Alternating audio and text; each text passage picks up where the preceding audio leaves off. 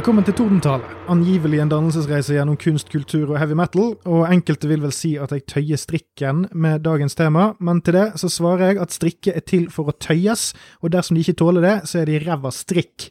Eh, litt om dagens gjest. Det er min gode venn Bøffert Jon Olsen Fusk. Eh, han har drevet podkast om rus med meg i åtte sesonger siden 2014. Og her snakker vi om helårssesonger, og ikke sånne kjipe doble norske sesonger der du har to på ett år.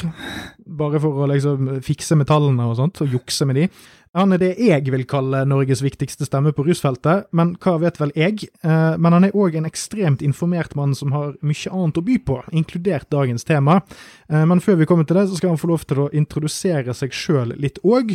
Så eh, over til deg, Buffert. Uhu, fantastisk. Halla. Takk for bra intro. Jeg får ta resten. Hva er det, da? Nei, jeg vet ikke om jeg skal røpe temaet ennå, men uh, De har nok sett tittelen, men Ja, vi de kan jo har ta det. litt eh, ikke rudimentært først. ingen. Nei. Ja, jeg heter da Jon uh, når jeg ikke heter Buffert på internett, og så er jeg 36 år blitt. Uh, det kan jeg også røpe. Står ikke på Seks som dreit seg ikke gjøre alt. Det er så jævlig høyt. Eh, og så har jeg i eh, mange år drevet med graffiti også, så når min kompis da skal lage podkast, så vil jo jeg ha med da det som er en ekstremt spennende filmsjanger for meg, nemlig graffitifilmer. Ingenting er kulere for meg enn å gå på internett og se på videoer av voksne menn som eh, sniker seg ut på natta gjerne, eller dagen, det er også enda bedre, blir bedre film. Og maler graffiti på tog, som gjerne spraybokser de har eh, betalt for, ofte. Eh, så, så legger de da igjen masse greier, masse beviser, og så drar de. Det er, det er bra kriminelle. Ja, altså for det er jo hovedtemaet her nå. Det som vanligvis det jeg driver og prøver å få gjester på på dette showet, er jo folk som kan fortelle meg om et eller annet som jeg ikke er så veldig god på fra før, for å på en måte utvide horisontene mine litt. Men jeg skal jo informere lytteren om at jeg har jo en viss befatning med dette temaet, bare som en konsekvens av at jeg har kjent deg i såpass mange år, Eh, og at det er en, eh, uunngåelig, et uunngåelig tema som popper opp eh, dersom kvelden blir lang nok. Men, men jeg vil òg si at jeg er en novice, sånn sett. Så det er ikke Her er det ganske mye vi skal grave oss gjennom som på en måte Kanskje jeg har en slags sånn forståelse av at eksisterer, men jeg vet ikke alltid om jeg skjønner hvorfor det eksisterer, f.eks. Og det, det du dro fram, Buffett, dette er da et, en film som ligger ute på YouTube, eh, som jeg skal linke i beskrivelsen, men jeg kan òg si det høyt, sånn at de som ikke er så flinke på å lese, men liker å høre ting, f.eks., uh, vet akkurat hva det er vi skal snakke om. Det er KCBR Live Life Like, eller Live Life Like. Live, live Eh, life like, tror jeg. Jeg er ikke sikker, alt er mystisk, men ja. Eh, Ja, og det er jo nederlendere òg, tror jeg. Eh, det er Sveitsere, etter, Er etter togene å dømme. Altså, alt dette er mystisk. Jeg prøvde å finne informasjon om denne filmen, men dette er jo en kultur som er bare 100 visuell. Altså, det, det skrives jo faen ikke noe tekst om det. Det er, det er jo tysting, da, vet du. Det var ikke tyste i graffitimiljøet, så da, det er ikke beskrivelse på YouTuben. Det er lagt ut av et fake navn, og eh, alt bare er eh, anonymt. Jeg satt og tenkte at dette var litt rart for å være nederlandsk, men det slo meg ikke som tysk. Men så kom jeg på det at altså, sveitserne har jo en jævlig rar sånn tysk aksent. Jeg har sett sånn intervju Mm. med han her HR Giger, som er han, eh, han som har designet Alien i Alien, så han snakker jævlig sånn fucket tysk. Sånn, ja, und den er ikke de Veldig sånn der sånn, Ja. De snakker veldig høyt oppe i ganen, føles det som. Det er, det er fjellene, vet du. Det er høyt oppe. Tyskere har ikke sånne, sånne høye. Bitte, bitte små mengder med luft som skal si, romme så mye informasjon. Uh, ja, nei, altså jeg dømmer altså, ut fra togene uh, ved å se på europeiske Det er stort sett der det skjer, uh, graffitifilmer over hele verden. da. I mange år så har jeg også plukket opp sånn derre togkunnskap. Det var, var en eller annen quiz hvor jeg, det var veldig vanskelige spørsmål i finalen om liksom, hvor er disse togsystemene, og jeg naila alle sammen. Jeg, Pyongyang, selvfølgelig, den kjenner jeg igjen.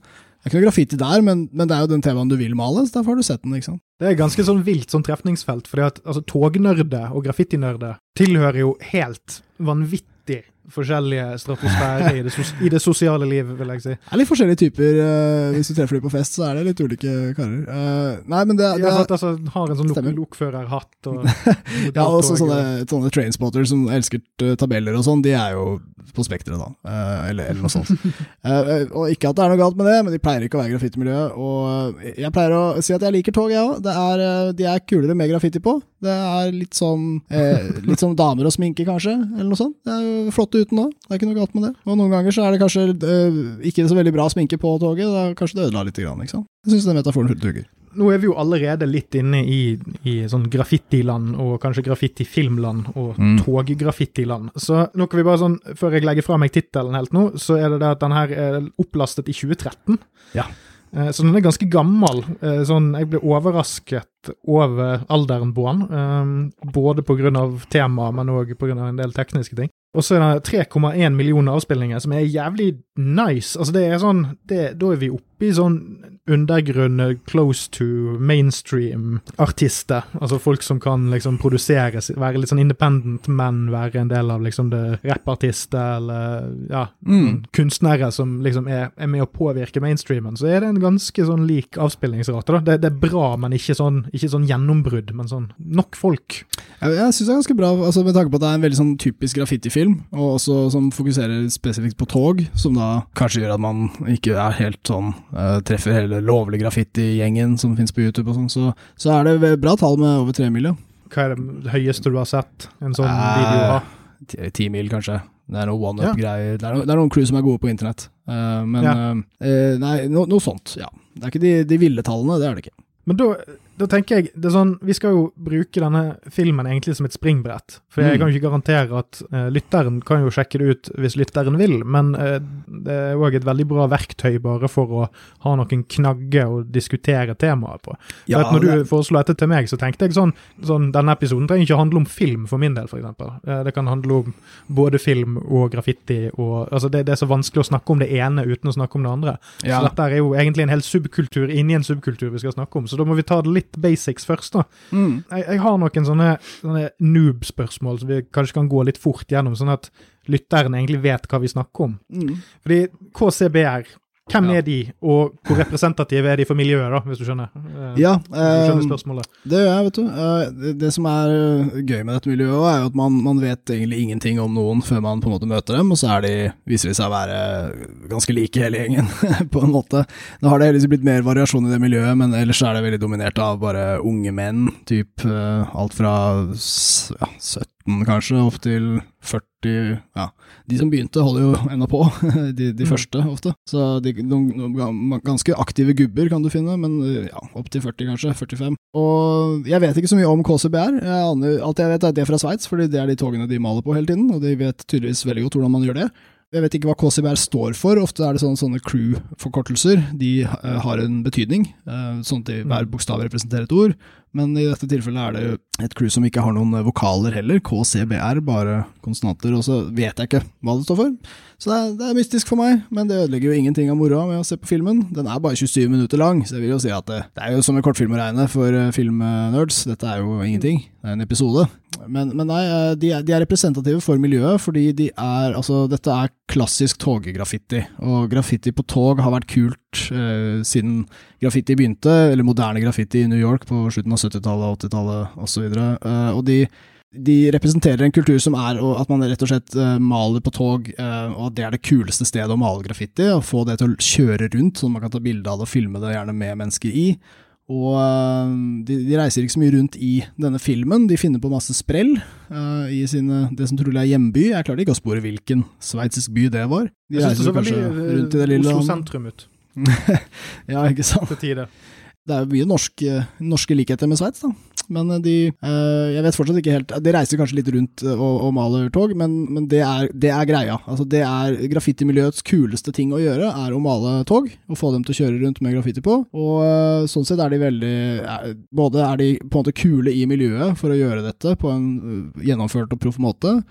Og samtidig så er de også går de inn i en slags filmtradisjon da, med, med graffitifilmer som handler spesifikt om å male på tog. Og det, der har de gjort et godt stykke håndverk, både med graffitien og, filmproduktet, syns jeg. Der har du egentlig vært gjennom nesten alle basics-spørsmålene mine. Eh, men, eh, men det er fint, det. Så da kan vi bare ta, nok, ta noen sånne idiotspørsmål til, og så hiver vi oss over selve kjøttet Mm. her. Ja, ja. Men da, sant, når du snakker om et crew, så er det som en gjeng, rett og slett. Eller en kompisgjeng, eller Ja. kunstnerkollektiv, kan du vel òg si. ja. At du skal være sånn helt objektiv på det, hvis du liksom skal fjerne alle legaliteter rundt alle juridiske spørsmål rundt hva de driver med, så er det Ja. bare en gjeng som, som lager kunst sammen, egentlig. Ja, det er det som både er det, er det sikre, eh, at de er et, et kunstnerkollektiv. Eh, ofte kan du også snakke om en gjeng, eh, de kan jo være venner. Noen er kanskje mindre gode venner, men så er de med fordi det er bra for crewet. og Derfor er de et slags kunstnerkollektiv. Men det kan også være en gjeng, det er mye småkriminelle folk som stjeler litt her og der. altså Jeg vet ikke hvordan du skal klassifisere en gjeng, det er kanskje litt sånn negativt uh, gate-småkriminell Mm. begrep, og det, det kan du også finne. Men, uh, Men det nei, men det er en vennegjeng, da. Det, det vil jeg nok Mm. stort sett eh, oppsummere det med. Ja, for det der er jo sånn som du sikkert kan se igjen. Det er, vel, det er jo ikke en del eksplisitt av f.eks. rapp- og hiphop-miljøet nødvendigvis, dette her, men jeg syns liksom det er en del sånne bleed-overs i litt sånn Ja, det du sier med det sosiale, da. Sant? At du kan ha en sånn kjerne, eksempel, og så er det noen som er med, som ikke nødvendigvis er så Mm. inni det, men som bare er litt sånn hanger-ons og sånt, får man inntrykk av. Virker som Ja. noen av de er med for å filme på avstand, eksempel, og litt sånne ting. Ja, det gjelder å finne en god kameramann som gidder, for han blir jo li like arrestert hvis det skjer noe. Eh, men, uh, men, men ja. Vi har også vært inne på det der med, med opp, hvordan de opererer og sånn. Så Altså de, det her er egentlig en gjeng som er hovedsakelig opptatt og nå jeg som i kompisgjeng, uh, hovedsakelig opptatt av tog. Er det det egentlig de driver med, stort sett? Ja, det er nok det. Det er det dette miljøet på en måte representerer, er å være helt sånn besatt av tog. Hele tiden bare henge på togstasjoner, se på togyardene, der hvor togene sover, egentlig. Og eh, studere rutinene og, og bli så kjent med et sted, altså male et sted om og om igjen, da. Snike seg inn og få jobben gjort. Og ja, de, de maler kanskje en vegg en gang iblant, da, men det er, dette er ikke gjengene som, som er så synlige. Altså, De henger ikke på lårveggen og er sosiale med graffitimalere. De, eh, de holder seg for seg selv i leilighetene sine, og så sniker de seg ut og står ved gjerdene og klipper i gjerdene. og Jeg tror kanskje noen av de idiotspørsmålene mine kommer til å dukke opp litt sånn seinere. Men jeg tenkte helt konkret et, bare sånn to sånne ord jeg mistenker kommer til å bli brukt mye. Og det er whole car og whole train og sånt. ja. Det tror jeg kommer til å bli sagt seinere, det tror jeg er lurt at vi sier, Ja. sier tidlig. Det er en sånn evig komisk ting med, med graffitimiljøet. Jeg sier vi, da. Er, er litt sånn selv, selvrettferdige. Vi syns jo er veldig kule. Altså, vi, vi er jo, det, er, det er jo smalt som faen. I hvert fall når det snakker om bare tog. Da er vi på en måte som jazzmusikere eller et eller annet. Så veldig smalt miljø. Eh, med sans for detaljer. Men, men det, er, det er veldig in your face, og vi føler at vi er veldig kule. Og det gjør også at vi, vi har et språk da, som er internt. Og, og det er ofte preget av veldig mye engelskord. De er ofte litt sånn eh, fra opphavet. Litt sånn New York 80-tall-slang. Og, og det, stort sett er det bare et ting sånn at vi sier ikke spraybokser, vi sier cans. Uh, vi sier uh, for eksempel whole car, da, som du nevnte. Det betyr at du har dekket en togvogn fra topp til bunn og ende til ende. Det er, det er en whole car, en hel bil, en hel vogn. Og uh, whole train er jo at du har tatt, eh, gjort det på absolutt alle, hele siden, den ene siden av et helt togsett. Alle vognene er da dekket. Det finnes også et begrep som heter married couple, som da er to whole cars ved siden av hverandre. Og hvordan det begrepet kom, det aner jeg ikke. Ja, det er vel også et par andre eksempler senere som vi kanskje kan snakke litt om. for det, det nok, Jeg har notert meg det jeg ville kalle triksing. og Da er det noen helt spesifikke varianter der jeg har lyst til å spørre om eh, hva det kan kalles. Men det kan vi vel kanskje komme tilbake igjen til. Ja. Uh, vi kan vel egentlig tenke litt sånn Vi kan kanskje ta sånn selve opplegget, altså hva er det vi ser her? sant? Altså De, de løper jo rundt i en europeisk by Mm. og gjør triks. Eh, og sånn for meg som er helt sånn utenforstående, så er det Det minner sånn vagt om tidlig Jackass. For de som er gamle nok til å huske hva det er for noe. Sånn, det virker litt sånn relatert til litt sånn, sånn uh, skateprank-videoer som var liksom po populært på sånn 90-tallet og sånt. Altså i stil, altså bare at det er mye mer moderne enn som så, da. Men at det, det føles litt som den samme sånn energien som, eh, som brenner i bunnen der, da. Ja, det er, det er en morsom sammenligning, syns jeg. Jeg er gammel nok til å huske Jackass, og det var en sprø ting som skjedde da, da noen av oss var unge. jeg kan jo dra noen sammenligninger. Altså, det, er, det er visst overlapp med, med skatemiljøet, i graffitimiljøet. Kulturelt så er det et eh, i Norge kan du jo kanskje si kriminelt. altså Graffitien har en veldig opprørsk essens, og derfor så er liksom ekte graffiti er ulovlig. så Derfor kan du egentlig Mm. kalle det for en kriminell kultur, selv om det ikke er store, farlige kriminelle det er snakk om, som regel. Skaterne var jo kriminelle i Norge en, en stund, på 80-tallet, og det du finner der er ofte unge, unge menn som er opprørske, og de driver med mye de samme tingene. De, de si, mange av dem røyker hasj. si. Du finner noen sånne ting som er veldig utbredt. De hører på musikk som er Ja, rappmusikk blir jo nevnt òg. Altså, Identitetsmarkører.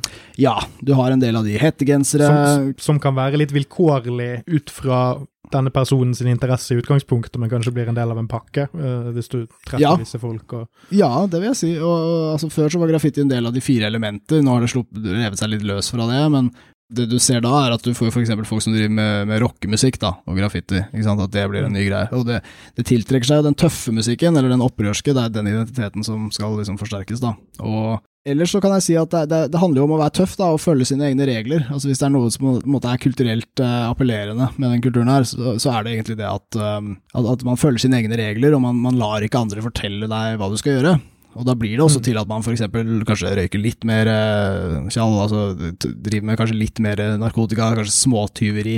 Man blir ikke voldelig av det, man blir ikke, man blir ikke farlig eller, eller truende eller en drittsekk av det, men man kan absolutt bli ganske egoistisk. Og eh, det er noe jeg kaller for alt gratis-kulturen, som, eh, som er liksom populært i graffiti. Det, og det, det er sånn begynte graffiti, og de stjal egentlig alt. Disse fattige menneskene fra New York som begynte. De hadde jo ikke penger, og, og stjal altså spraybokser, de stjal eh, kameraer med gratis fremkalling, og da stjal de også fotografiene av verkene, på en måte. De, de stjal eh, ikke sant, absolutt alt, og den kulturen fins enda i graffiti, så du har folk som da stjeler graffitiutstyr, særlig spraybokser og tusjer, og eh, kanskje mat, øl, eh, sånne ting. Og så reiser de rundt i Europa og deler dette her, og lever alt gratis-livet.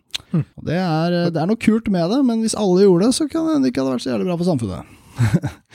Ja, for det er, jo, det er jo et element av, og det er jo det du merker gjennom hele denne filmen, er jo hvordan det har blitt og nå, tenker, nå går jeg egentlig bare rett inn på det filmtekniske, tenker jeg. mm. er jo at det, det har blitt estetisert og ironisert over så lenge internt at når de nå lager denne filmen, så er det Den introen, for eksempel, er jo lagd på en sånn måte at det nesten virker som det er lagd for å provosere absolutt alle som ikke allerede er i graph-miljøet, på en litt sånn her eh, mellom linjene-måte. Ja. Altså, de, det starter jo med at de tar og tømmer noen egg eh, for å putte maling oppi de, og egge et tog Ja. Senere. Ja. Og da har de lagd nesten en sånn her eh, sånn Arthouse-pornofilm av det først. Mm. Der de estetiserer noe så jævlig, denne prosessen å hente ut eh, denne eggehviten fra eggene, eh, med en dame som er i hijab, og som de spruter maling på når hun har tatt av seg klærne og er toppløs, og masse sånne greier. Og så lager de omelett av eggene som de har tømt, Ja.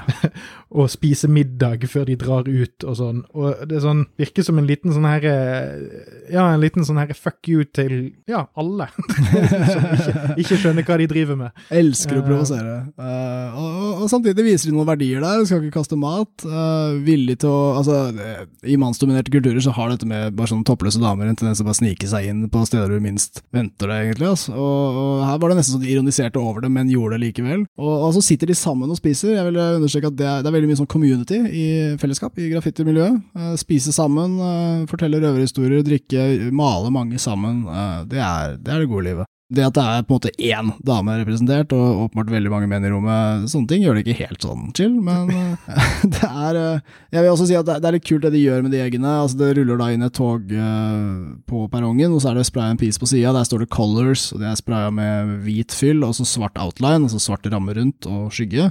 Og så kommer disse skurkene løpende med finlandshette. Der tror jeg også, hvis jeg husker rett, så var det i hvert fall noen damer med å kaste. Det er bra, det. Uh, Ja, det da- er en, en god gruppe, i hvert fall. det ja, god gjeng. Og, og de kaster da eh, egg med fargerikt malingsinnhold på denne vogna, sånn at den grå, eller unnskyld, hvit og svarte pisen med colors får jo da farger, og folk sitter inne i togvogna og skvetter til.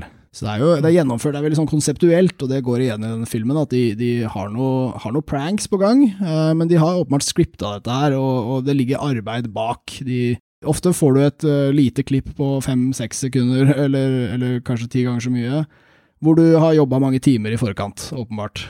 Mye forberedelse. Mm. Så det er, det, er, det er en leken film, mye kødding, men eh, de, de spiller også på det å provosere, og det at graffitimiljøet de gjør som de selv vil, og bryr seg bare om seg selv eller hverandre, da. Ja, for nå, nå prøvde jeg å finne ut av det, for jeg, jeg tenkte ikke på at det var fargelegging av eh, noe som allerede var lagd. Jo, jo, jeg, jeg ser jo det nå, selvfølgelig, Mm. men eh, jeg, jeg tenkte ikke at Altså, eh, de bommer så mye at det var Det er liksom det eneste tilfellet der, der, de, eh, der jeg syns liksom at de ikke fikk til eh, det stuntet de prøvde på. Jeg syns også Ja. de bomma mye hvis de prøvde å treffe pisen, altså. Ja, ja. Så det var sånn, de friket litt ut og kastet treffet litt ved flere vinduer og bommet litt eh, og sånt. Så det er sånn, det blir ikke så Det blir liksom ikke så eh, treffende, da. Det kan hende det var bakgrunnen, at det skulle være bare, Ja. bare brunten. Ja, ja. Så hvem er jeg til å si noe om kunstner og intensjon her? Ja, det det. Men eh, Kommer kunstnerne med forsvaret, vet du. Kanskje det var meningen? Ja. var ikke feil, det. Eh, Kanskje sannheten ligger inni meg. Det er jeg som er den som skal se Ja. på dette. her. Ja, nei, det, publikum er viktig, men uh, det, er, det er viktig her at, å få med at eh, for, for meg som er i grafittmiljøet, så er det, det første jeg ser på, det jeg er aller mest opptatt av, er at det toget som kjører inn på perrongen har, har graffiti på seg, og, og se på Mm. den, og lese den, og studere den umiddelbart. Og det jeg da ser, er at det står Colors, og det er ikke signert med noe. Hm.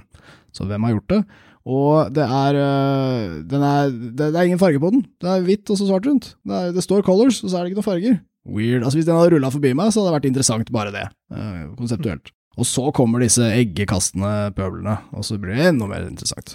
Det er jo den første greien de gjør i Mm. filmen. Ja. Så det er jo sånn narrativt, hvis det fins noe narrativ, for det er det egentlig ikke. Det er jo egentlig bare en, en serie med pranks mot samfunnet. Mm. Uh, men, men hvis man skulle liksom brukt Den er litt sånn introduserende. Den er sånn Å ja, her kommer pøblene og kaster egg. Ja. liksom et mye mer uh, tilgjengelig mentalt bilde for en gammel dame som uh, syns at det er teit at de driver og tusjer på veggene. ja. Så der er det jo en sånn lek med uttrykk og folk, hvordan folk ser på de og sånn. Det dukker jo opp noen sånne graffiti-piser seinere som òg er ganske Ja. som, som leker litt med det, da. Um, ja, det, jeg har lyst til å si at det, det er også Det er på en måte luksusversjonen av noe som egentlig kan gjøres veldig enkelt og teit. Altså, Graffiti er jo også sånn, hvis du har gjort det bare noen få ganger, så kan du ikke skjule at du er dårlig på det. Og hvis du er flink, så har du gjort det mange ganger. Og, og her er det altså sånn, det de gjør, er jo å kaste egg på et tog. Og det er jo noe drittunger gjør på halloween, liksom. Men, men så har de hatt et sånn intrikat opplegg hvor de fylte det med maling, og det, det filmes i et stort rom hvor alt er hvitt, og det det er så ressurssterke greier, da. Det er liksom, akkurat som de er millionærer og driver store firmaer, og så er det sånn, nei, det her skal vi gjøre, da. Vi skal kaste egg, men det skal være fancy versjonen av egging på et tog hvor vi har planlagt og gjennomført noe i forkant. Så det er luksusversjonen av et skikkelig barnslig fenomen. det, det underkommuniserte jeg kanskje litt når jeg snakket om den liksom litt mer fancy introen. og Det er det at du, som jeg får trekke litt tilbake til eh, det jeg ble imponert over at den er fra 2013. For det er Jeg forbinder ikke den visuelle kvaliteten her med 2013-produksjoner Mm. uh, på YouTube. Altså, ja, de fins, men det var ikke mainstream å ha så god redigering, så god bildekvalitet, og den på en måte litt sånn iscenesatte introen der de faktisk tar seg tid og filmer ting litt sånn her eh, halvpornografisk, så er det altså skikkelig godt lyssatt, det er skikkelig godt filmet, det er folk som vet hva de driver med. Mm. Og det er egentlig gjennomgående for hele filmen, at den har et veldig sånn moderne uttrykk, der eh, det er en sånn ting som har dukket opp gjennom internettmedium de siste kanskje, ja, omtrent siden 2013 eller noen år før det, men at gradvis så har videoessay på YouTube og musikkvideoer har fått en veldig sånn redigert Mm, stil, hvis du skjønner. At man har begynt å bruke det at man gjør harde kutt, Mm. noe som tidligere var noe du skulle maskere når du lagde film. Sånn at Du skulle ikke vise at du hadde flyttet kameraet. Du skulle ikke ha sånne bråe kutt og sånn. Men det har blitt estetisert jo mer liksom YouTube-kultur og, og sånt har tatt over det nymediale de siste årene. Eh, og dette her er et veldig sånn klassisk eksempel på det, syns jeg, der de på en måte bruker det at det er håndholdt, og at det er sånn geriljafilmet, så klarer de likevel å bruke de tydelige Ja. klippene til Ja. å på en måte drive handlingen, på et vis. Så sånn, du, du er veldig klar over at du ser noen gjøre noe på ekte, men samtidig så er det veldig tydelig hele Ja. veien at du som seer blir manipulert av klippene. At det sitter noen som vet hvordan de klipper, og hvordan de skal få liksom Mm. Ja, det, og det må jeg si kanskje er eh, i, i filmsjangeren litt, uh, litt nytt. Det er en type filmer som pleier å være heller litt sånn underredigert, rent uh, tradisjonelt. Så kanskje de siste fem, uh, fem årene, ja, vi kan kanskje si de siste ti årene nå, så har det kommet folk på banen som, som kan å klippe, og som har litt sånn spennende ideer om det òg. Men det, tradisjonelle graffitifilmer er notorisk lange. Det har også å gjøre med at man skulle fylle ut et format på en VHS-kassett, f.eks., og da ble det alltid liksom halvannen time lang og, og kjedelig. Men, eh, men eh, ikke så mye nå lenger. Ja, og så måtte du jo kanskje gjerne sitte og spille det inn, og Ja, ja, det med Og så hvis to bare-. Og ikke sant, Hvis det Det bare skulle være tog, ikke sant? og så vil du, du vil ha variasjon, du vil ikke bare filme folk som maler på togene, du må ha at de ruller, og du må ha noe annet spenn imellom, og, så videre. Så tenk at du skal fylle halvannen time med dette her, du må male jævlig mange tog, ikke sant? Og hvor mange kan du male i uka? Pl- Plutselig tar det fem år å lage en jævla VHS-kassett, ikke sant? Hvordan var det egentlig før? Altså Var det på en Ja. måte sånn at du betalte for en kassett før? For det, det koster jo penger. Det er jo, det er jo den store forskjellen nå med, med digital distribusjon, er jo at hvis du Ja. klarer å holde deg innenfor YouTube Sant. sine regler, så trenger du ikke betale engang. Men før så hadde du jo det med at du Mm. måtte ha DVD, du måtte ha VHS, de koster penger å kjøpe. Altså du, det begrenset hvor mange du kan stjele. I hvert fall VHS. Nei, ja, det var, eh, voksne, så lett. Det er også noe som skjedde ganske fort i graffitimiljøet i forbindelse med alt gratiskulturen. Det, er- det er liksom det de ikke stjeler, er å stjele fra andre graffitifolk. Og det ble ganske fort til at det var graffitifolk som åpnet egne butikker, og det er jo der du har fått kjøpe disse filmene. Så de, de har nok vært en ganske lite stjålet artikkel, sånn i forhold til hva man skulle tro. De ble kjøpt. eh, Vi kjøpte VHS-er på, på Stress, eh, solgte de. Eh, Alt som var sånn her hiphop, skate, eh, gatekultur-type butikk, hadde de.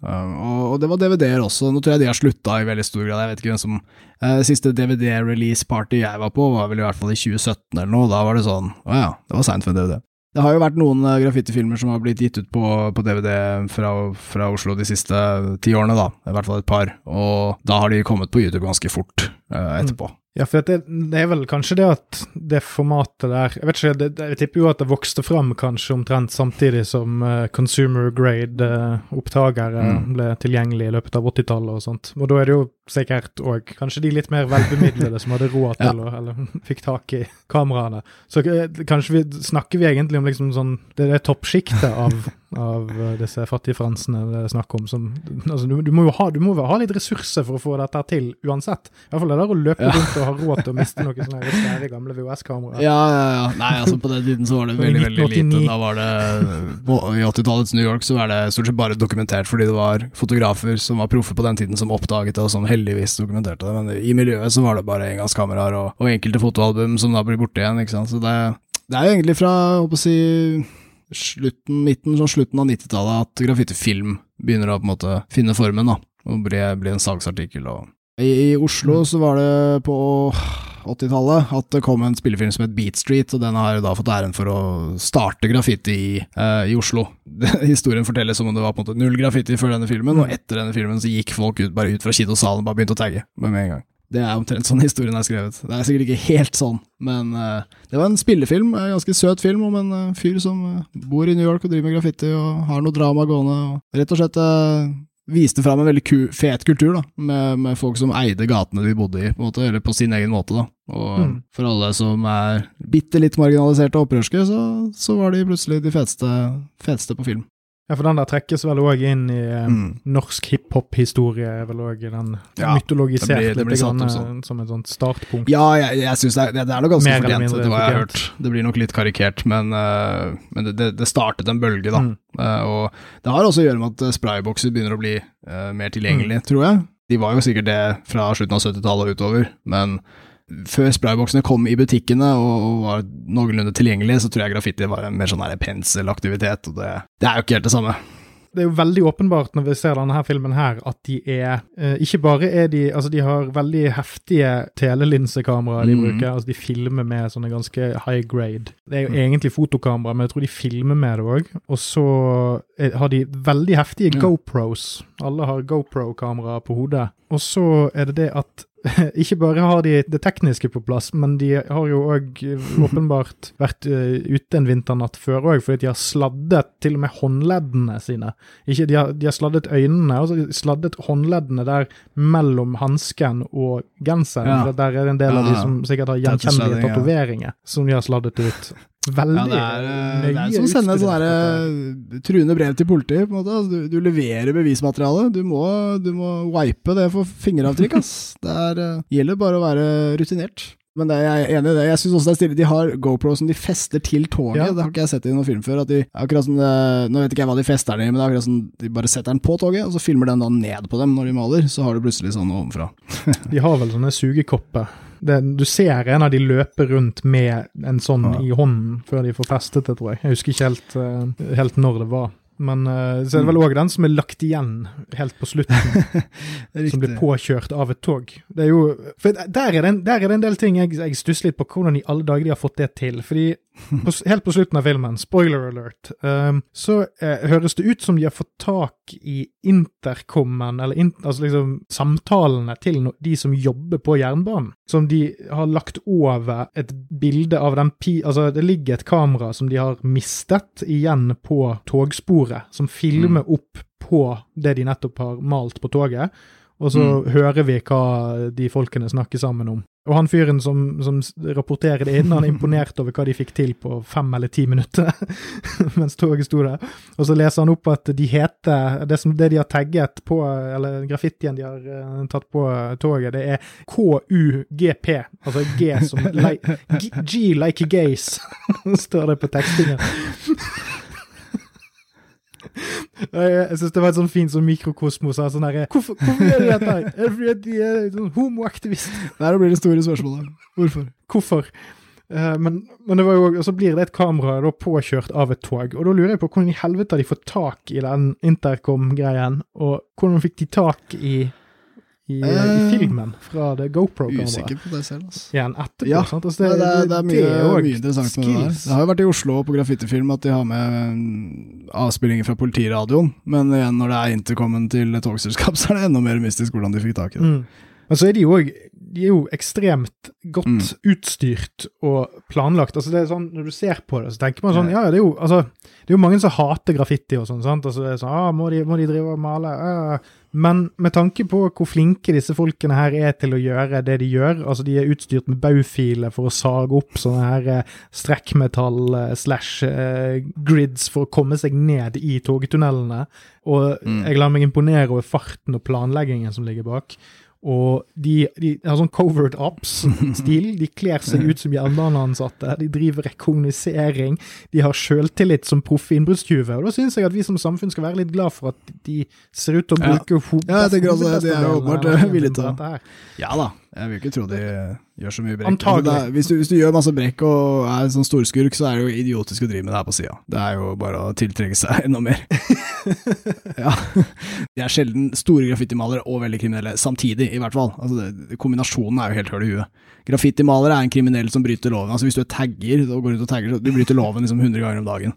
Sjansen for å bli tatt en eller annen gang er jo kjempehøy. ikke sant? Og Hvis du da også har en sånn kjempekrim under beltet, så er det jo jævla lurt. Eh, men, men, jeg er enig, de er ekstremt ressurssterke, og det er også noe av det vi er veldig glad i å vise fram i den filmen. her. Det er ikke alle som satser like mye på det, men de er veldig keen på å vise fram at de på en måte har både penger, ressurser, eh, ferdigheter, alle slags typer ressurser. da. Og Jeg syns også de er veldig flinke til å, kødde, altså, som du nevnte med Jackass-elementet. det er jo det å male tog er som sagt det høyeste, viktigste. ikke sant? Å få til det er det kuleste. Og da er det veldig gøy når de da går rundt på gata og får det som da selvfølgelig da er unge, pene jenter til å tegne skisser. Eh, noen av dem er ganske unge òg, og da, da ja. lager disse jentene eh, De tegner altså crewets eh, bokstaver, KCBR, og det gjør de på sitt unike vis, og det blir veldig mye forskjellige tegninger. Og så drar da crewet etterpå og maler de pisene på togene, sånn at du ser eh, skissa, og så ser du toget rulle, og så, ja, det var samme. Så da på en måte hun jenta malte tog uten å vite det, og det var Det har jeg aldri sett før. Det var kreativt. Men da, da er vi faktisk inne på en mm. egen seksjon. Én ting er jo å lage graphs på et tog, eller på en vegg, men mange av de tingene vi ser i denne filmen her, er jo litt mer sånn spektakulære enn det som Mannen i gaten, og jeg ja. regner jo med at han mannen i gaten, han hører på Tordentallet, mer enn det Mannen i gaten eh, egentlig har fått med seg. Eh, så det er jo det du nevner her, er jo en egen type litt sånn flashy move. sant? Altså Du skal imponere noen med Fordi ja. en graph er vel egentlig noe litt personlig. Altså din graph, mm. altså det, altså, du, har, du, har, din egen tag som liksom er din stil, mm. og sånn. Og så har vel dette crewet en egen stil. Men det å liksom brife med å liksom imitere noen andres tegnestil på et tog, det er jo en type ja, brifing som er ganske det er, sånn det er veldig sært. I, I, amerikansk graffitikultur så ville ja. det være det å lage, la noen andre skrive ditt crew sine bokstaver. Selv om det bare var en, en kompis som dro en tag for dere. Det, det, er ikke greit. De eneste som skal skrive våre bokstaver, det er de som er med i crewet, for mm. Og det, er, eh, det varierer kulturelt, men det er fortsatt uh, uansett et veldig stort normbrudd å bare For det første, la noen andre lage skisser for deg. er liksom sånn, ja, Det er jo en søt ting, du kan godt få lov å lage en skisse. Men å da ta den og bruke tida og malinga og ressursene, og så velge Når du først står ved toget, så er det den du maler. Det er, uh, det er der jeg begynner å reagere. Det syns jeg er helt sprøtt. Tenk å, tenk å bruke Tenk så mye han kunne ha lagd. Men igjen, konseptuelle ting, de, de følger bare en formel, de. Dette var bare en morsom idé, ikke sant? Hva enn denne personen tegnet. Jo, men er ikke, er ikke nettopp Er ikke det litt sånn Altså, når, når en tryllekunstner Mm. står og trekker en kanin opp av hatten, så sitter du jo og venter på at du skal bli overrasket, sant? Men det er jo Ja, ja. måten han trekker kaninen opp av hatten som er det interessante. Hvis det er en flosshatt, så er det ikke så imponerende, men hvis det er en, en, en caps, så er det litt vanskeligere. Hvis det er en sånn eh, solhatt som har sånn hull i toppen og, og sånn, så er blir det desto mer imponerende. sant? Så for meg som utenforstående, så virker det som om at det å gjøre det der er brifete fordi at de vet at folk som deg vet hvor mye tid og krefter det ligger Ja. i å få malt en togpis i det hele tatt. Og det er òg litt Ja. på hvor flink man er å imitere. Altså det at du Det faktisk er har skills veldig- utenfor bare det å gjøre din like, greie. Du har faktisk òg evnen til å kopiere Ja, noe. Og så er det òg det at de, sånn, den siste tingen jeg tenkte på, er da, altså det, det er det at de kaster vekk tiden sin, da, som du sier, på noe, altså, litt indirekte. De kaster det vekk på dette. Og er ikke det litt sånn som å stå med tusenlappene det på, på, på dansegulvet, sant, og så bare hive de utover? Jo, det er det. fordi, det er fordi du kan, sant? Eh, de, de, de leker med det konseptuelle. Altså det, det står crewets navn. eh, målet er å male crewets navn på tog og få det til å kjøre, og det gjorde de. Så jeg skal egentlig ikke klage. Det er jo, det er jo bra, men eh, jeg har aldri sett det før, og jeg uh, syns jo de gjorde noen rare feil, for eksempel, da, på disse skissene. Disse folka som tegna dem, som aldri hadde gjort det før. Men, eh, men da er det Det var jo bra at de ikke retta opp det hullet i r-en, ikke sant? Altså, det skulle jo være likt. Så, så de, de veit å Mm. brife. Jeg, jeg liker tusenlapp på dansegulvet-metaforen veldig bra. Dette er åpenbart høyressursfolk som gjør altså det, For dem er det det å male tog, det er bare ingenting. Ikke sant? Kan male hva som helst. Kan jeg bare bor i yarden, jeg. Jeg bare har alltid en sekk med cans og Mm. er ved siden av et tog. Jeg. Det for meg er det ingenting, liksom. Nei, men eh, sant, for at nå er vi litt inne i det. det. Dette er de jeg tenkte mest på når jeg så gjennom. Først og fremst de som står litt ut ved første gjennomkikk, og så tror jeg de bare liksom tok litt over Mm. for meg når jeg så på for andre gang. Det er for eksempel, det er noen sånne moves som jeg er litt sånn lurer på om har et eget begrep. Fordi det er, det er en der de har tatt og, og skrevet 'same shit' på ett tog. Og så passerer det toget et tog som står i ro på en plattform, der de har skrevet 'different train'. Så da får, Ja. da får du på en måte peacen, same shit, different train. Det er akkurat som veldig mange av begrepene er litt sånn tradisjonelle. Mange var der fra 80-tallet av og så. Og det som egentlig er greia de gjør der, er Det er veldig sjelden å gjøre i toggraffiti-verden. Fordi der er man rett og slett ikke så konseptuell, eller man spiller etter Man kan jo lage konseptgraffiti på togene, men man, man eh, spiller litt etter sånn gamle regler. Det, det med å bruke elementene rundt og integrere det i verket på veggen eller toget, er, er ganske nytt og litt sånn street art-aktig. Og, og det er en crossover du veldig sjelden ser. Mm. Altså det er Street art og toggraffiti står i hver sin ende av liksom kulhetsspekteret uh, for graffitimalere. Uh, I hvert fall fra, sett fra mitt perspektiv. Og street art-folk, altså hvis det er liksom et rør som er bøyd opp fra bakken, så bare, da er det liksom snabelen på elefanten, eller det er halsen til en sjiraff, eller et eller annet. Liksom. Og vanlige folk elsker det. Kids går forbi, de digger det. Alle ser på en måte det kule i det. Og det å kombinere det med tog, det, det, det, det er ganske unikt, og, og kanskje for nytt, kanskje, til at det har et sånn eh, begrep, da. Vi, vi må lage det begrepet, men det er såpass eh, originalt, såpass lite utbredt, at det ikke har, eh, har blitt kalt noe, tror jeg. Det er et par ting der som jeg syns er litt sånn artig å ta tak i. Fordi det, det er jo en av bieffektene med å ha kjent deg i ti år ish, er jo at jeg har plukket opp dette her med street art. Og street art, jo- Mm, eller yeah. sånn, street art er ikke helt det samme som graphs. Jeg liker at du sier graphs. Uh, ja, men det er Stockholm-syndrom, vet du. Street art er vel egentlig mer sånn stensil og enklere. Altså det, det er mer sånn slående, lettgjenkjennelige uttrykk. eh, mens graphs og sånt er, mer, er, er egentlig basert på at det skal ha noe med bokstaver å gjøre. At det er et personlig uttrykk. altså det, er- Du skriver ja, noe med tegning, på et vis. Du kunne malt altså Noen ganger så maler de jo ting òg, men det skal være Mm. inkorporert eh, ofte, eller så ofte som du kan. Ja, så det, det er liksom en sånn Det er en litt sånn her eh, hakkeorden her på hvor street du er, eh, og hvor kul du er. Og da er det sånn Dolk og, og han her, hva er det han heter? Uh, Banksy. Banksy. De er på en måte de mest populære, de som tjener dritmye spenn på det, men som òg gjør veldig sånne åpenbare Altså at det er egentlig ikke den samme tingen. Det er veldig Kanskje. sant. Og altså, um, apropos dette kulhetsspekteret, holdt på å si, hvis, hvis street art er i bunnen og maler graffiti på toget eller noe, da, er, er øverst, gjerne stor graffiti, tøff graffiti, med bokstaver. Bokstavkunstforming er, står helt sentralt. Du kan gjerne lage figurer, men du vil alltid skille deg ut, det er ikke det som liksom er greia, da. Det, det, tror jeg har å gjøre med dette med å lage sine egne regler, og hvor sentralt det står i graffiti som kultur. Det er jo en opprørskultur, og hvis du gjør noe for deg selv, så er du da kul. Hvis du gjør det for vennene dine, så er du også kul, men du bør helst gjøre det for deg selv fordi du er glad i vennene dine, eller noe sånt. da. Men hvis du driver med graffiti for å tjene penger på det, så er du ikke kul. Og hvis du driver med graffiti for å gjøre som en oppdragsgiver sier, så er du ganske lite kul. Du skal i hvert fall ha malt noe fet graffiti på sida for å på en måte være kul nok til å ikke bli døll av det. Og øh, det street art kan gjøre, er jo at de kan ta på en måte bra, bra, plasser i en by. De kan male over tradisjonell graffiti. Så kan det være folk du aldri har hørt om, som bare er flinke på profesjonell mal, altså veggmalingsdekor. Uh, det er et litt sånn dilemma nå. Altså, i, jeg kjenner en kompis som driver med street art i Oslo. og Han kan nok om graffiti til å sette pris på den tradisjonelle også. Han har fått et oppdrag om å male en vegg i sentrum. og Der er det en graffitipiece fra 1997 som fortsatt står i perfekt stand. Og dette er midt i byen, dritsentralt. Og de som eier den veggen, har jo åpenbart ikke gjort en dritt med den siden 97. Uh, og nå kommer de å stille masse krav. Nei, vi skal ha noe fet street art og sånn. Og min kompis går jo da til han som lagde den pisen i 1997, og sier hva gjør vi? Ikke sant? For nå, den, den kommer ikke til å overleve. Så da kan du lage noe. Men han er en sånn fyr som ikke gjør som folk sier. Så, så de, Grunneier vil jo da ha en skisse i forkant. Han vil ha ti skisser, mm. så vil han velge. Og han kompisen her som malte denne pisen i 97, han er fortsatt aktiv mm. konge, maler over hele byen. Og han har jo ikke levert en skisse lydig til et sånt prosjekt i hele sitt liv. Altså, Hvis han skal male den veggen, så må han få lov å komme på stedet og gjøre det han vil. Men det vil jo ikke oppdragsgiver. Ikke så nå står kompisen min mellom barken og veden. Han har lyst til å ære den pisen fra 97. Men grunneieren, som er en dust som ikke har gjort en dritt siden 97 på den veggen, han stiller masse krav, og han skal skisse i forkant. Og det det kommer til å bli til, kanskje, er jo at en eller annen dust som har null connection til graffitimiljøet, han kommer dit, får masse penger, maler en jævla blomst eller en sommerfugl eller, eller en jente med en ballong eller whatever, og så bare driter han i at det var en piece fra 97 der.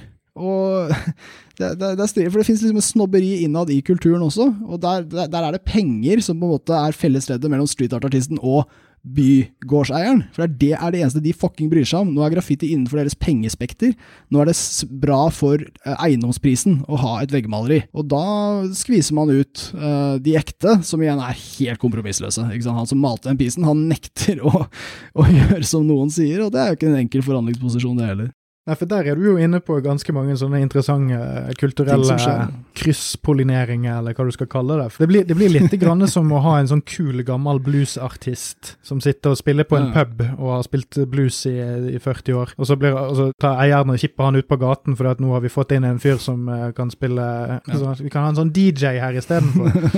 uh, nei, men at, at på en måte sånn nå kommer oldebarna til, uh, til taggerne og, og, på en måte skvise ut den originale kunstformen når de, det grunneierne egentlig vil ha, er en sånn ufarlig, koherent eh, versjon ja. av originaluttrykket. At man på en måte skal ha sånn Ja, altså det er jo fint med graffiti og sånt, så lenge vi kan få, få puttet det inn i en boks og, og, og, skrive navnet på det, og vi vet hvem som har gjort det, mm. og så vet vi at vi ikke skal vaske det vekk, for dette er kunst. Mens det som noen bare kommer ja, her og gjør uten å bli spurt om det, det er jo bare hærverk. Vi skal på en måte kopiere estetikken til hærverket. Mm. Og det er, det er egentlig sånn graffiti beveger seg i populærkulturen, og da mener jeg med den, den som tjener penger. Da, da, det er at egentlig så flytter den seg bare Mm. Uh, hvis du ser det fra pengas perspektiv, så utvikler graffiti seg egentlig bare til å bli penere og penere. Og, og da er street art det peneste, og så er tagging det styggeste.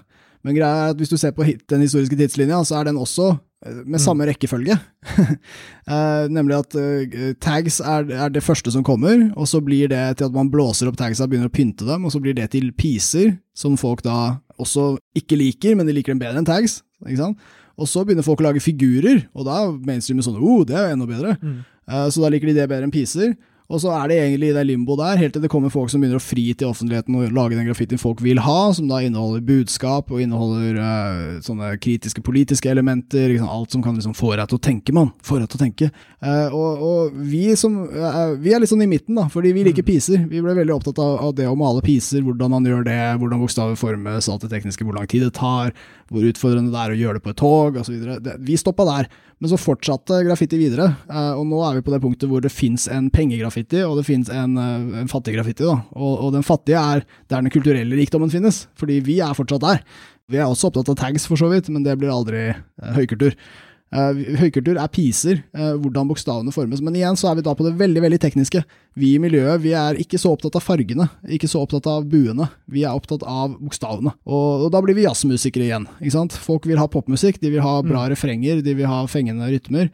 Men det vi vil ha, det er de utrolig rare notene som ingen har spilt før. Oh, se hva han gjorde med den r-en, se på den vrien nederst på k-en. Der er vi. Og, og, det å selge den kulturen til mainstreamen, det blir ikke lett, og det vil jo ikke vi heller, for penger ville ødelagt det. Men, uh, vi, men, men vi, vi, får jo det problemet at penger kommer og angriper oss fra andre siden. ikke sant? Kommer og tar de gamle veggene, uh, kommer og gir masse credit til, la meg kalle dem en gjeng med duster, da, som, som egentlig bare sitter på, på Apple De er designere. De bruker overheads, og de, de, de har aldri gjort noe på frihånd. Og det, Skal det være graffiti? Virkelig? Nei, det, det, de, de, er heldige som får bruke det ordet. Det er jo interessant hvordan du trekker disse linjene her til både popmusikk og en del andre ting. for Det, det minner meg veldig om jeg leste en bok for noen år siden som er av uh, mm. Naomi Klein, som heter No Logo. Uh, hun er jo en litt sånn uh, sett på som liksom den, ja. den yngre kvinnelige arvtakeren til Chomsky med, med veldig sånn interessante perspektiver på hvordan spesielt kapitalisme fungerer. da. Egentlig Hele den boken handler om nettopp litt sånn hvordan mainstreamen eller store selskaper mm. spesielt, eller folk med penger, kan vi vel bare si, uh, har det er innbakt i markedssystemet mm. et ønske mm. om genuinitet. At noe skal være ekte. Så derfor vil man sette inn ganske store penger og ressurser for å finne det ekte og så finne ut hvordan man kan ta en patent på det, og forme det sånn at man kan tjene penger på det. Eh, og det, det, ser man igjen i alle undergrunnsmusikkstiler, eh, alle klesstiler, all mote. Altså, du, kan, du, kan, generalisere det det vide og breie, og ingen slipper egentlig unna det. Og, og, på en måte, jo mer bevisst folk er på at det fins, jo viktigere er det å kunne vri litt på det. For da har du på en måte gratis reklame bakt inn i det. sant? Alle vet hva tagging er. Men hvis vi har kul tagging, så betyr det at vi, vi, er ikke som de andre kjedelige Ja, la oss si, la oss si at jeg har en eller annen skittig kafé nede i sentrum. Å ja, ja, men jeg er ikke sånn som de andre fancy mm. i kafeene. Jeg har jo en sånn fin street art. Så da kan dere komme her, og så kan dere sitte og være fine, urbane eh, kaffedrikkere som, som, som vet pris på, på sånn hardbarket gatekultur. Og så, og, og så, er det en blomst som blir Hva er han har til dolk? Den der, eh, den der mm. greien fra Vietnam, han fyren som blir skutt i hodet på kloss hold. Ja. Og så er det en fyr som vanner med, ja, vanner med en spraykanne, han vanner en solsikke. Det, det er, det er en historisk referanse som var dyp, og du kan ikke si noe om den referansen uten å si noe viktig, right? Men kanskje du kan det. Jeg må ta store sprang, altså, for å finne noe jævla mening i det. Fordi det der, det der, var en ting jeg festet meg med med en gang jeg ble kjent med mm. deg og vi begynte å snakke om nettopp sånn stencil art og sånt. og Det er det at det er, det er nettopp det at det krever ekstremt lite tankevirksomhet å lage noe i hermetegn provoserende ut av det. fordi at alt du trenger, er å ta et omriss av én ting, og så putter du en annen ting oppå. Et, å, her er en mann med et hundehode, og så legger du istedenfor at han leser en avis, så er det en bolle med kjøttbein. Sånn, altså, det er sånn, å, det sier noe, men det krever mm. egentlig ingenting å lage det, og det krever enda mindre å se på det. Og da, etter å ha snakket litt om det, så foretrekker jeg heller da meningsløst hærverk som er en kunstform i seg sjøl, fremfor ja, noen ja, som takk. lager en illusjon. Det, det, mye av kritikken ligger jo også der. Altså, og jeg må si det fins grei stensilkunst, men da er den ganske teknisk god. Ikke sant? Fordi i mitt hode så er stensilkunst sånn. 90% teknikk og 10 idé, kanskje. Ideen er noe du finner på kjapt, og så må du jobbe veldig lenge med verket etterpå. Uh, og ideen forblir den samme hele veien. ikke sant? Og, og det mange stensilkunstnere gjør feil i mine øyne, at de legger altfor mye i ideen det, det, er teknikken din som du skal vise fram. Du trenger ikke å ha så veldig komplisert greie. ok? Så er du god mm. på ett type motiv, og så flytter du det inn i masse forskjellige elementer, og så gjør du forskjellig teknikk med det.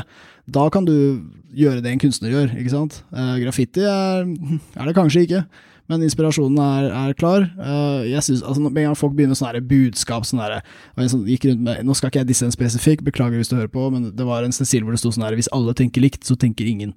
Sånn, den har jeg hørt før, og det er ikke så veldig smart. Og du brukte lang tid på å skjære ut denne greia, ikke sant? og nå har du lagt for mye på ideen. Denne utskjæringa av bokstavene var ikke fet nok. Ikke? Altså, vi, du skulle jobba mer med teknikken, den ideen var ikke så bra. Du kan ikke redde verden med stensiler. Du kan kanskje få en slags sånn, et, et, navn eller en karriere og, og en hobby, men, men, ikke tro du kan få folk til å begynne å tenke forskjellig, eller eller hva faen målet var der. Og, det er jo det som er målet. Når du snakket om graffiti som sånn derre uh, Dette med, med Naomi Klein og no logo og um, autentisitet, altså det, genuinitet, det vil de gjerne ha. Jeg innser at liksom, Et problem for graffiti er at det er veldig ungdommelig. Og ungdom er jo de alle vil være. altså Vi vet jo de er irriterende, men mm. vi skulle alle gjerne vært unge igjen. på en måte, og Derfor så er ungdom selger. ikke sant? Kremer som får gamle kjerringer til å se og menn til å se unge ut. ikke sant? Ungdom er det hotste ever. Og graffiti er Det eneste stedet jeg ser graffiti i en sånn reklamesammenheng, litt tradisjonelt, det er på sånn herre Hvis vi skal selge noe til ungdom. Eh, og det kan være ganske unge barn òg. Det kan være sånn tilbake til skolen-salg, eller noe sånt. Det er noen ryggsekker eller pennaler eller hva faen. Og så er det masse piser i bakgrunnen, mm. masse tags. Fordi det, det er sånn ungdom liker, ikke sant. Hva, hva er det ungdom gjør? Vi aner ikke. De har noe det er noe TikTok og noe greier, vi vet ikke, men det er i hvert fall opprør. Ikke sant? De driver med opprør, det veit vi. Og hva er opprør? Jo, det er graffiti. Da putter vi det i bakgrunnen. Bare for, å trekke dette litt tilbake ja. nå, da, sånn inn, ja. igjen i, inn, igjen i, narrativet vårt her da, fra filmen. Eh, fordi når vi, når vi, begynte på denne digresjonen her, så, så, var det jo med utgangspunkt i denne her eh, same shit, different train. Og tanken der var jo det at ok, her låner de elementer fra street art og sånn, og så blandes det inn. Men det jeg tenkte når du sa det, var jo det at dette her er jo, selv om du liksom spekulerer i hvilket uttrykk er det som er dominant her, er det, er det graph eller er det street art, men det er jo fremdeles ekstremt avhengig av det train-filosofien. De er mm. bombesikre på at det mm. toget kommer inn der, og det toget kommer til å stå der.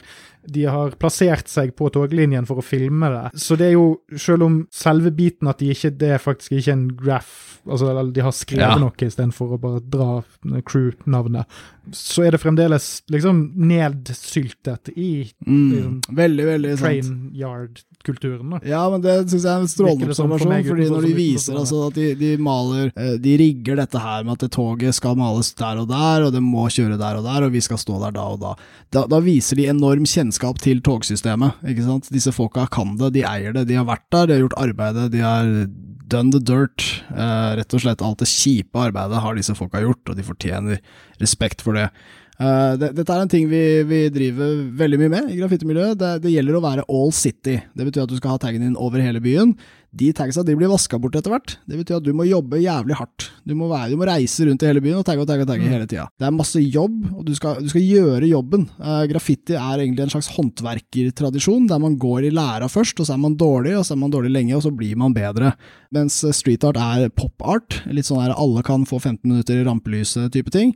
Og, og, de ser veldig ned på hverandre. ikke sant? Graffiti er en gatekultur. Du skal være der, du skal kjenne systemet, og du skal gjerne kjenne det kule systemet som alle vil hacke, som for eksempel togene. Og hvis du maler stensiler, ikke sant, så sitter du hjemme og så skjærer du ut stensilen din, og bruker du masse timer på det, så går du på gata, psh, psh, så er du ferdig. Så går du hjem igjen. Og har gjort lekser i, i timevis, og gått ut og vært fet i ti minutter. Mens graffitimalere de skal liksom henge på gata, de skal henge på, på hjørnet og røyke sigg og planlegge når toget kommer. Og det er, det, er, det er, De timene vi legger inn der, det er det samme som timene til lærlingen på atelieret. Dette er ikke gratis, dette jobber du for. Det er jo noen sånne tvister de på dette. her, for det er jo, Én ting er jo at du, eh, du, du, lærer deg systemet for å kunne eh, omgå det. sant? Altså Du lærer deg når, når går eh, mm. fyren av vakt, sånn som passer på togene, eller når stopper togene, hvor kan vi stå lenge nok? Og så er det det å være flink nok til å få hivd dette opp ganske mm. fort. Det tar jo ganske lang tid å lære seg. Men det er jo det at altså det, det der eh, brifegreiene jeg snakket om tidligere, men det virker som om de òg driver med litt sånn fusion-arbeid her hele veien, syns jeg. Fordi at det er sånn, eh, det er sånn For eksempel så har de lagd en rakettgraph på et tog, og så fyrer de opp fyrverkeri bak, ja. altså som de har festet på baksiden av toget, ja. sånn at det ser ut som om det går en rakett der. Og det, jo, det, gjør de et par andre ganger, og driver og leker med fyrverkeri og sånn. Og da gjør de jo det Altså, da er de, er de aktivt selvdestruktive for, å, for, sin egen vinning, på en måte. De, de skal jo prøve å slippe unna ja, dette. Det, og det, det er veldig køddete. Da er køddinga så viktig at man er villig til å ta mer risk. Så, så, det var tydeligvis veldig veldig viktig. Og så plutselig er de barnslige, så har de bare malt en kuk på ja. et tog, og så filmer de at det toget går inn i en tunnel. Inn og ut, inn og ut. Fordi at det òg er gøy, sant? Altså, det er sånn, ja, sant? Og det slenger de inn, midt inni ja. når de faktisk har masse sånne innovative greier. Den mest pussige tingen Jeg, jeg, jeg hang meg opp et par ting. Det var Jeg lagde én der, der, det er sånn at de har skrevet We Flash, mm. og så står det KCBR. You Don't på et tog. Og så er det sånn at det, We Flash og You Don't står på sidene og er i litt sånn, mm. litt sånn nesten i sånn tegneserieaktig font, med, med noe sånn utropstegn og sånn. Så de har ikke brukt så mye tid på det. Men det de har, når de har skrevet KCBR, så har de gjort det i en sånn Ikke dopplereffekt, men litt sånn som at hvis du har på sånn strobelys, så er det Ja, sånn du ville lest lest en vanlig tekst. Det er Skurrer vanskelig med, på øynene når du ser på det. Jo, men det skurrer på en Ja. måte som får det til å se ut som om det er på en skjerm eh, som ikke funker. Eller, eller altså sånn uten at skjermen er ødelagt, men at du på en måte får en forgrunn og en bakgrunn på det samme, Mm. samme bokstaven som ikke matcher helt. Ja. ja utrolig godt gjennomført. Uh, Pisen flasher, er det bakgrunnen som flasher? Eh, Nei, jeg vet ikke, men det er utrolig teknisk utført. Altså det at de flasher med at selve pisen egentlig ikke er så flash, den, men den er flashy fordi den er vanskelig. Så den, den er ikke så Altså, du tiltrekkes ikke mot akkurat hva de har Mm. skrevet, egentlig, men når du først ser det, så er det sånn oh shit. Eh, også noe du finner i rappen, hvor man kan snakke til sånn du-person, du, din dust, jeg er fet. Eh, vi har folk som har skrevet The Crew Without You. Eh, vi har også eh, klassikeren We Spray, You Pay. Det er alltid gøy å erte litt. det er mye av det. Fascinerende kultur sånn sett, i, i hvilken forstand kan være egoistisk. Veldig mange av, dem, av- utøverne har, har gode jobber og, og si, har familier og, og er ikke alltid så egoistiske som de er når de driver med dette. Jeg, jeg vet om enkeltutøvere som både stjeler og, og gjør såpass eh, kostbart hærverk at enkeltpersoner sikkert koster disse byene liksom 100 000 kroner dagen iblant. Eh, voldsom pøbelvirksomhet, da. Og, og du ville jo aldri trodd det hvis du så på dem. Hvordan ser en kriminell ut? Det, de, du kan gå med hvite folk med gredd hår og hvit skjorte. Ikke sant? Det er ikke noe flekker på den skjorta. Det er eh, undercover eh, pøbler. Og det er eh, sånn sett veldig fascinerende for meg hvordan de, hvor mye ja, De fleste graffitimalere vil ikke være de første på en ren vegg. Det er mye lettere å tagge på en vegg hvis noen andre har tagga man først. Så er, det, så er det disse kara som er sånn evig fascinerende, som alltid er de første Mm. på en ren vegg. da. De ordentlige pøblene. De som man virkelig vil stoppe. De, de har sin egen liksom, dyptgående motivasjon, og, og tillater seg liksom jævlig mye. Ja, men sånn, sånn maktfantasimessig så er jo dette her Jeg vet ikke om jeg vil kalle det sunt, men hvis man tenker at man får jo ulike kick av Ja. å gjøre ting eh, i det offentlige altså? Altså, eh, Mange har kjent på en sånn følelse av å være Mm. kul i en vilt fremmeds øyne. Noen gang enten det at man møter noen på fest, og så sier man noe gøy Mm. som en annen person bare holder på å daue, og så har du aldri snakket med dem før, eller at du, at du bare gjør en litt sånn kul Ja. move når du skal av bussen, eller sant? Altså, et eller annet der du bare liksom imponerer noen ut av det blå. da. Og det tror jeg kanskje er litt samme mekanismen som gjør at enkelte mannfolk kanskje blir aggressive på byen og sånt òg. At det er en sånn her Nå skal jeg være i fokus, så nå skal du være redd for meg Mm. nå når jeg begynner å Mm. bli full og har lyst til å sette meg i respekt og sånn. Mens de her karene som går rett på en blank vegg Nå vet jo ikke vi noe om hvordan de er på privaten og sånt, men la oss anta at det er Mm. hoved, hovedkicket de får i livet, da. Så er jo det et enormt normbrudd de iverksetter med en veldig tydelig tiltrekningskraft. Altså Folk kommer til å legge merke til at du gjør det der, mye mer enn han som kommer til å dra en graph fire Mm. Ja. timer seinere. Kommer til å ha litt mindre oppmerksomhet på seg, bare fordi Ja, at det var en der er fra før av, og så baller det på seg. Og dette mikses jo inn med hva de holder på med hele tiden, fordi at det er nettopp det at du gjør dette normbruddet, og du er så flink på det. Og det er en sånn, her, sånn sosial dominans i det. Sånn, så kommer det sånn togfolk og Mm. filmer deg mens Ja. du gjør det, og så bare bryr du deg ikke. Du, du stopper ikke. Ja. Du fortsetter til du er ferdig, eller til du ikke kan fortsette.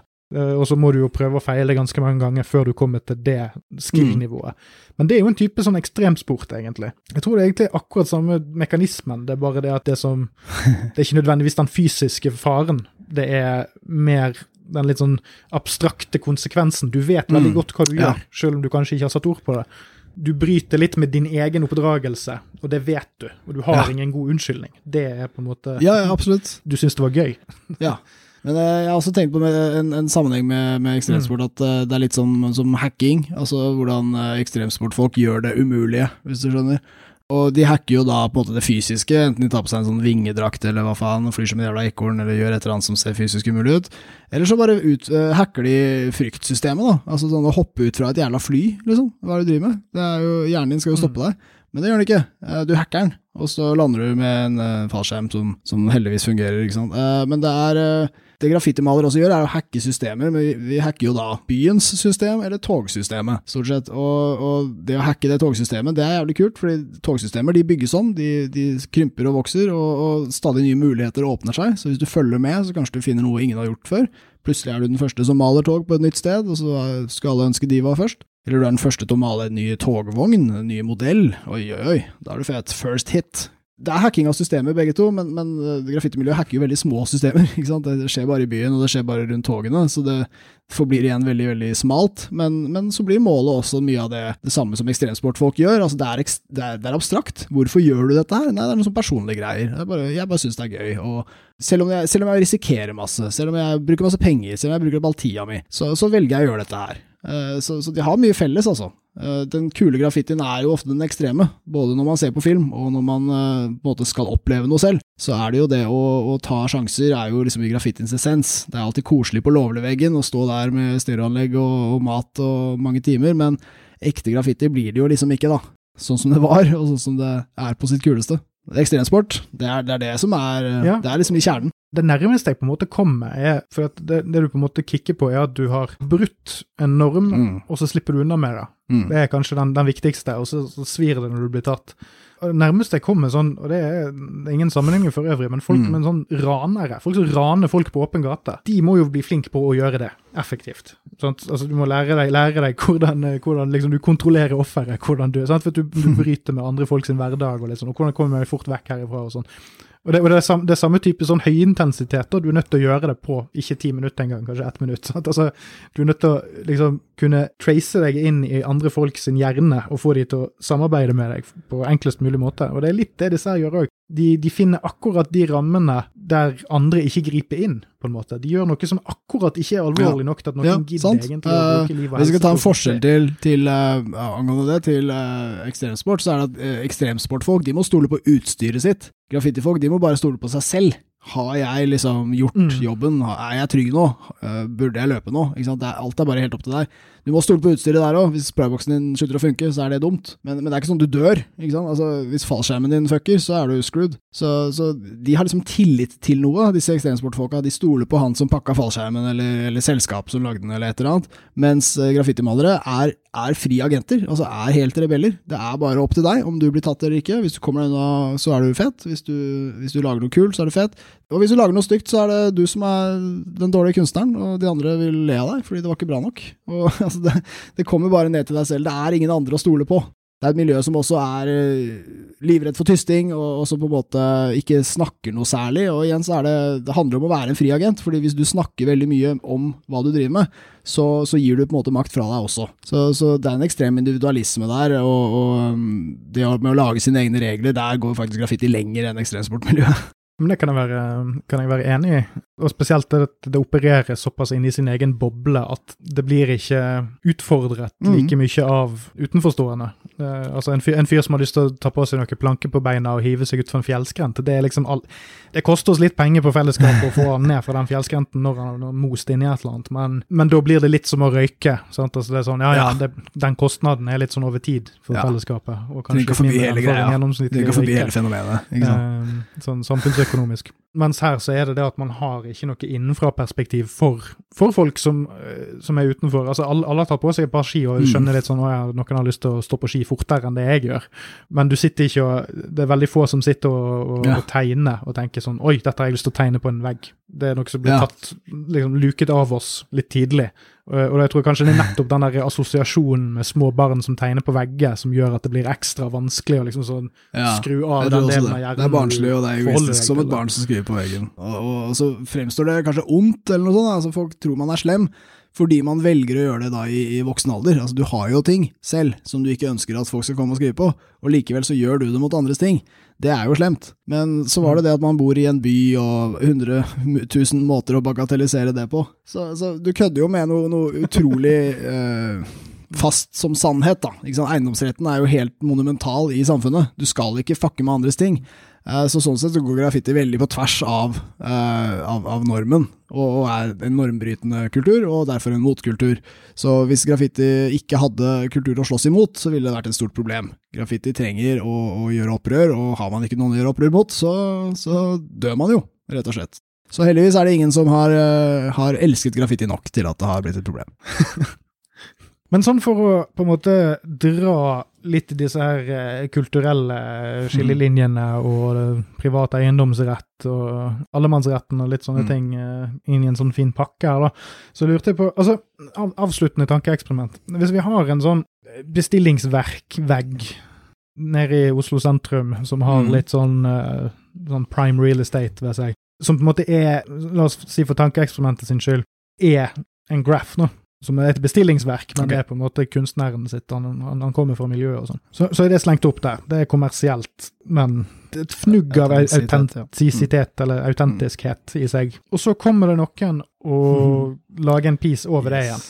Hva, hva ty hvem er det som har Hvem er det som har retten bra, på sin side der? Eh, Altså, det, det du, du har skjønt mye. Så det, det pågår en slags strid i, eh, i Oslo om dagen eh, om, om offentlige vegger som da stort sett går én vei. Altså street-artister, eller street art-artister, får lov å dekke en hel bygård. Kanskje har det vært masse graffiti på den før. På T-banestasjoner skjer det, f.eks. Og så kommer da det er ikke så, Ofte er det sånn graffitimalerne, de tradisjonelle, de kommer og maler over. Gjerne ikke dagen etter, det er ikke veldig demonstrativt, men etter hvert så kan det være det. Så nå har det stått lenge nok, type ting. Eh, og i det scenarioet som du nevner der, så er det jo altså Utfordringen er jo at det både er en veldig eh, anerkjent fyr som har lagd det, og det er kommersielt, for det er en slags motsetning der. Men det går an, og det, det La oss si det. Eh, han som maler over, han sliter. Da kommer det egentlig bare ned, og dette er litt sånn kleint å innrømme, altså da kommer det bare ned til det sosiale hierarkiet. Som baserer seg på altså, hva skal jeg si, ja? ansiennitet. Altså, han, han som er kulest, er kulest. Eh, det spiller nesten ingen rolle hvor mye rett han har på sin side. Han som Mm. kommer etterpå, han skal ha en jævlig god grunn til det. Men det er ikke sånn at hele miljøet ville snudd seg mot ham umiddelbart. Vi ville tenkt at ja, men da har de to en konflikt, da. Da de to De har en beef gående. Jeg visste ikke om den beefen, og så hadde vi blitt Mm. veldig sladrete og prøvd å få tak i detaljer. Hvorfor gjorde han det, og sånn. Hvis det da kom frem at han malte over bare fordi han tenkte at det var en vegg som alle andre, så ville vi fort uh, igjen kalt han en dust og tenkt at ja, dette han skulle visst bedre. Men hvis han har da fått denne veggen til å lage denne pisen på utelukkende pga. at det er satt av til han, og han har fått klekkelig betalt for det, ville ikke det da Mm. skulle, Man skulle jo trodd at det kanskje nullet ut noen av de Selv om La oss si at det var en levende legende, da. Så skulle man jo trodd at de faktorene der Altså, hvor legendarisk er det å ha en helvegg som Ja, altså... har vært hatt åtte uker på å planlegge, og jobbet med i dagslys, uh, uten, altså sant, altså i dette, i dette Ja, altså det kaoset. På en måte er det fristende å si at han, han ble jo mindre kul av å ta denne jobben. Men når det er sagt, så er det kanskje ikke så enkelt heller. Fordi eh, vi har veldig store, flinke graffitimalere i Norge som også gjør veldig store, lovlige eh, malejobber, som da ikke kanskje alltid kan kalles graffiti, det de gjør der. De gjør også det som folk vil ha, men de er gode til å gjøre det på en veldig teknisk måte, sånn at det ikke er kjedelig, da. Sånn at det i hvert fall er noe nytt og interessant. Eh, men det som på en måte redder eh, renommeet til disse graffitimalerne, er jo ikke disse lovlige jobbene, men det er det at de maler tog ved siden av, og er kule, og, og drar en tag her og der, og har kul stil når de gjør det. Og, og da får du på en måte lov til å tjene penger på graffiti. Da er det, da er det plutselig mer greit. Så det som eksempelet ditt dessverre minner meg på, det er at det sosiale hierarkiet står veldig sterkt. Eh, hvis du først er kul i dette miljøet, så slipper du unna med veldig mye rart. Og hvis du er en nybegynner, så slipper du unna med ingenting. Og, og det, er, det er vanskelig å bli kul. Det tar noen år, og det er mye jobb. Men hvis du først var det, var det så, og gjorde en sånn malejobb, så tror jeg ingen ville på en måte uh, hata deg for det, men, men, vi ville kanskje blitt overrasket. Det ville vært off-brand, og, og uh, man ville kanskje spekulert litt i om man er, er han blakk, eller er det liksom Det, det ville ikke vært sånn pene tanker. Uh, men jo kulere du er, jo mindre slipper de unna, de som kødder med verket ditt. Så den mest ideelle måten å egentlig drepe graffitikulturen på, er å bare prøve å få tak i de som er flinkest, og så bare betaler de for å male mye, mye mer, og dermed slå en Ja. på liksom hele De- den her Det er noen du aldri får. Eh, De ekte, ekte graffitipøblene har, har jo ingen eh, Mm. kunsthistorikere hørt om, holdt på å si. Altså de, de ordentlige de, de, Det er litt sånn som med, med Mm. Uansett hvilket miljø du går i, de fagekspertenes favoritter er ofte noen jævla nerds, og sånn er det også i graffitimiljøet. Det, det, blir, det blir liksom meta-graffiti, kan du si, da. Opphøyd i seg sjøl. For det ligger liksom i sakens natur at dette er veldig forgjengelig. Sant? Så det at med en gang du skal Mm. slå noe opp på en vegg, og det skal være der for alltid, så har du på en måte tatt vekk noe av, av det.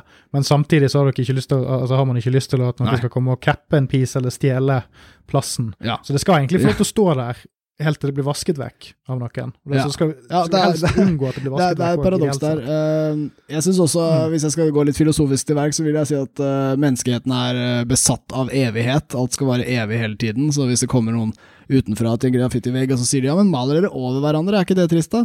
Så, så er vi Nei, det er ikke noe trist med det. Det skal bli borte. Og, og, vi er kule derfor, fordi vi skjønner at ting blir borte, og vi skjønner at vi ikke lever evig, for å dra de store linjene, og at denne byen ikke kommer til å vare evig, og at du egentlig kommer til å slite hvis du tror at, at ting kan vare evig. Vi lever i nuet, vi lever verken i fortid eller fremtid, så da spiller ingen rolle hva som skjer med denne prisen etter at jeg har gått. Så lenge jeg har bilde. Og, og minnet, da. Du gjør det også for minnet og det å ha det gøy. Så man har liksom det der forgjengelige på den ene siden, men det intense behovet for å bevare det eller bli sett eh, litt på den andre, på noe vis. Så det er sånn Ja. det er Spesielt mange av disse pisene her er jo litt sånn her at du kan bare se de den ene gangen de har blitt filmet.